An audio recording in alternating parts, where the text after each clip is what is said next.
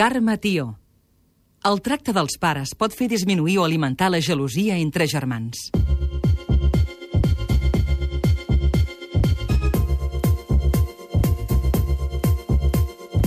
Estimeu-vos com a bons germans, com Caín i Abel, com Salomón i Absalón, com Rómulo i Remo, que tots ells es van matar siguent germans, no? Què vol dir això?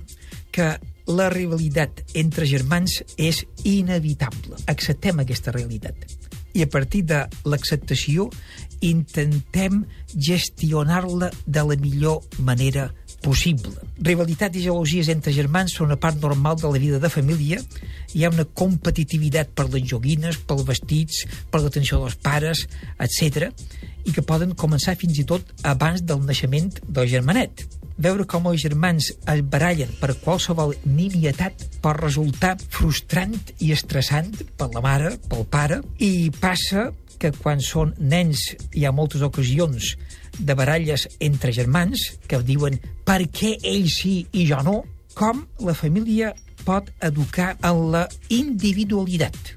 Cadascú és diferent i els pares s'han de poder sentir amb el dret de dir aquí farem això amb aquest cas i amb aquest altre farem això altre, procurant sempre que es moguem des de la justícia, des de la equanimitat, no des del favoritisme, però sí des de la atenció individualitzada a les necessitats que cadascú té.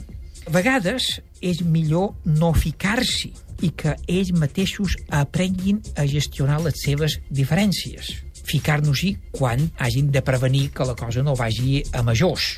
És millor tractar-ho no en el moment del conflicte, sinó quan ja hagi passat un cert temps, quan els ànims estiguin més serens, quan s'hagi desinflat el sufler, o fins i tot de tractar-ho de manera preventiva, que a vegades passen aquestes coses, però com si ho tractéssim des de la no implicació directa.